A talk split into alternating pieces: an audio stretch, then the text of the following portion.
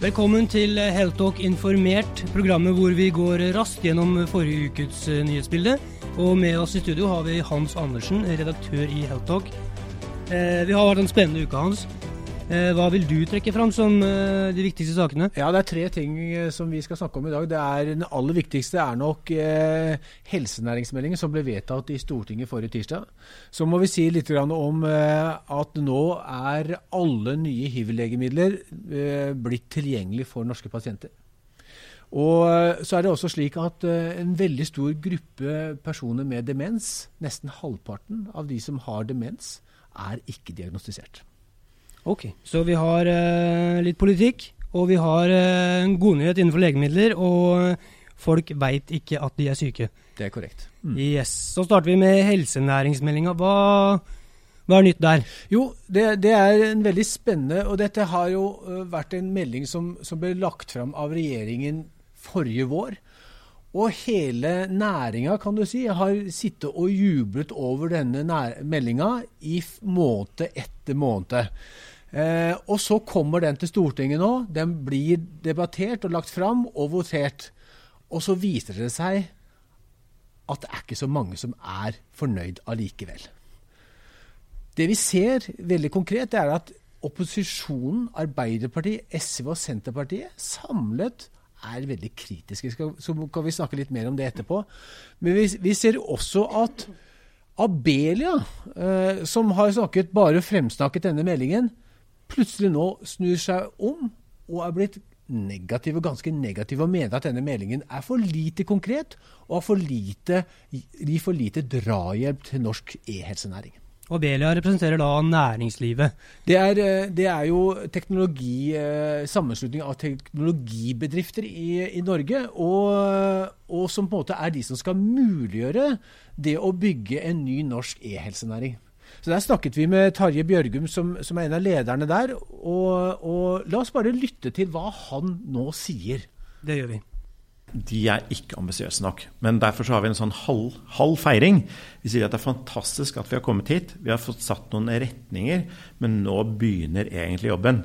For skal vi lykkes med dette, så må vi også handle og agere på helt andre måter enn vi har gjort til nå. Det var en kritisk eh, Tarjei Børgum, men eh, hvorfor er han så kritisk? Ja, det, det er jo et godt spørsmål. Eh, det vi ser, bare ta det litt tilbake til politikerne, da, så virker det nesten som om eh, Hvis vi går tilbake til Jan P. Syse, som var statsminister for en del år tilbake, hvor han anklaget Arbeiderpartiet for å stjele Høyres klær mens de var ute og badet.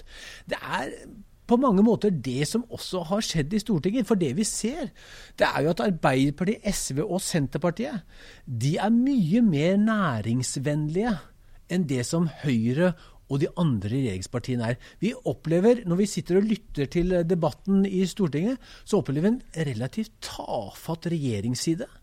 Og en veldig offensiv og næringsvennlig opposisjon.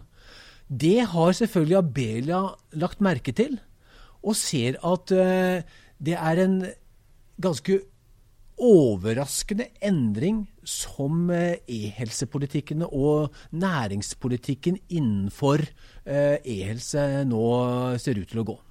Så her har vi også en liten politisk tvist?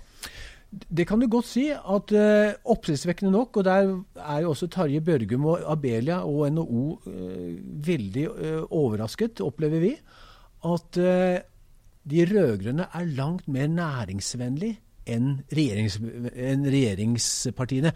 Fremstår det iallfall som. Det virker nesten som om eh, luften har gått litt ut av ballongen fra regjeringspartiene. Ja, La oss høre hva Kjersti Toppe har å si. Hun er altså eh, helsepolitisk talsperson for Senterpartiet.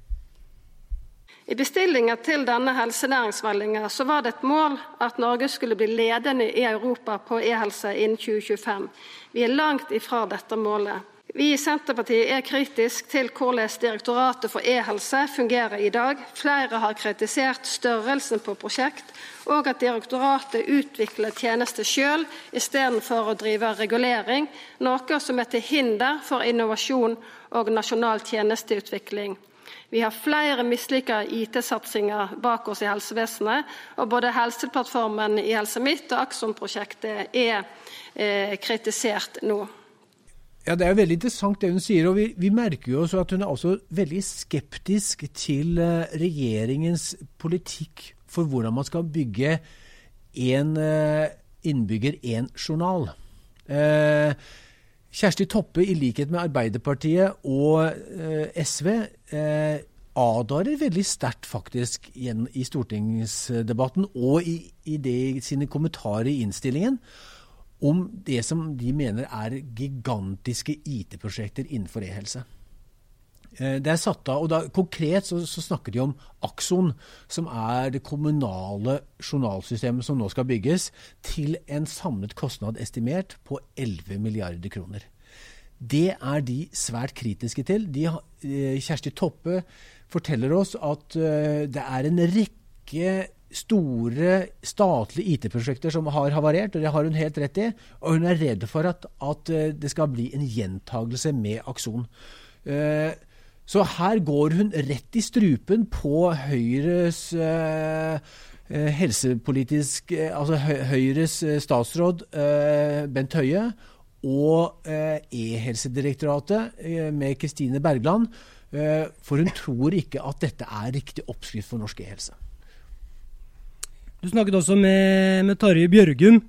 Ja. Han er leder for Vi har hørt på han. Da. Ja, vi har det. Eh, men han er, også han, er, han er også veldig enig med opposisjonen når det gjelder størrelsen på dette Akson-prosjektet. Det er klart at han eh, som representerer alle e-helsebedriftene i Norge, kan, en, det er, og det er en rekke, som kan være med å bidra til å bygge norsk e-helse, alle disse er jeg vil nesten si livredde for at det skal være én eller et, et par-tre store leverandører som vinner hele Akson.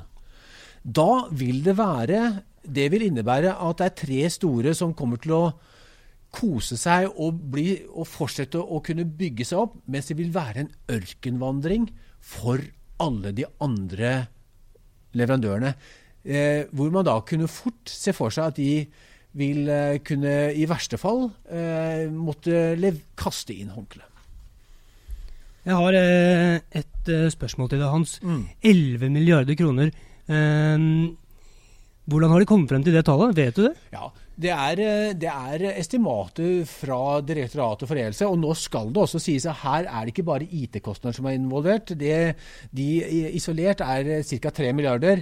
Det er også implementeringskostnader og, og frikjøp og, og, og, oppbygging av prosjektet. Så er ikke alt er ren IT-infrastruktur som skal bygges. Det er også totale kostnader som ligger inne. Men det jeg i hvert fall kan love våre uh, lyttere, det er at vi skal følge opp denne saken. Til torsdag så skal vi på frokostseminar hvor det er E-helsedirektoratet og KS som inviterer for å snakke mer om Akson. Og Der skal vi høre uh, litt mer om bakgrunnen, for det er klart at Eh, nå har vi hørt mye på opposisjon og på Abelia. Nå er det viktig også å høre hva den andre siden har å si om saken. Ja, vi må se på begge perspektiver her, og vi gleder oss.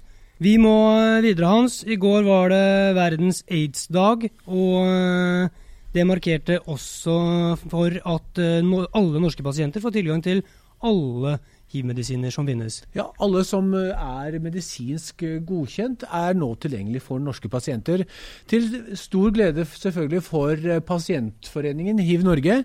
Eh, det som da er eh, spennende her, det er at både mm, Triumec fra GlaxoSmithKline og den nye enpillekombinasjonen fra Gilead, Bictavri, de er nå med på prioriteringslisten som eh, legene ute på sykehusene skal bruke når de skal gi medisin til eh, norske hiv-pasienter.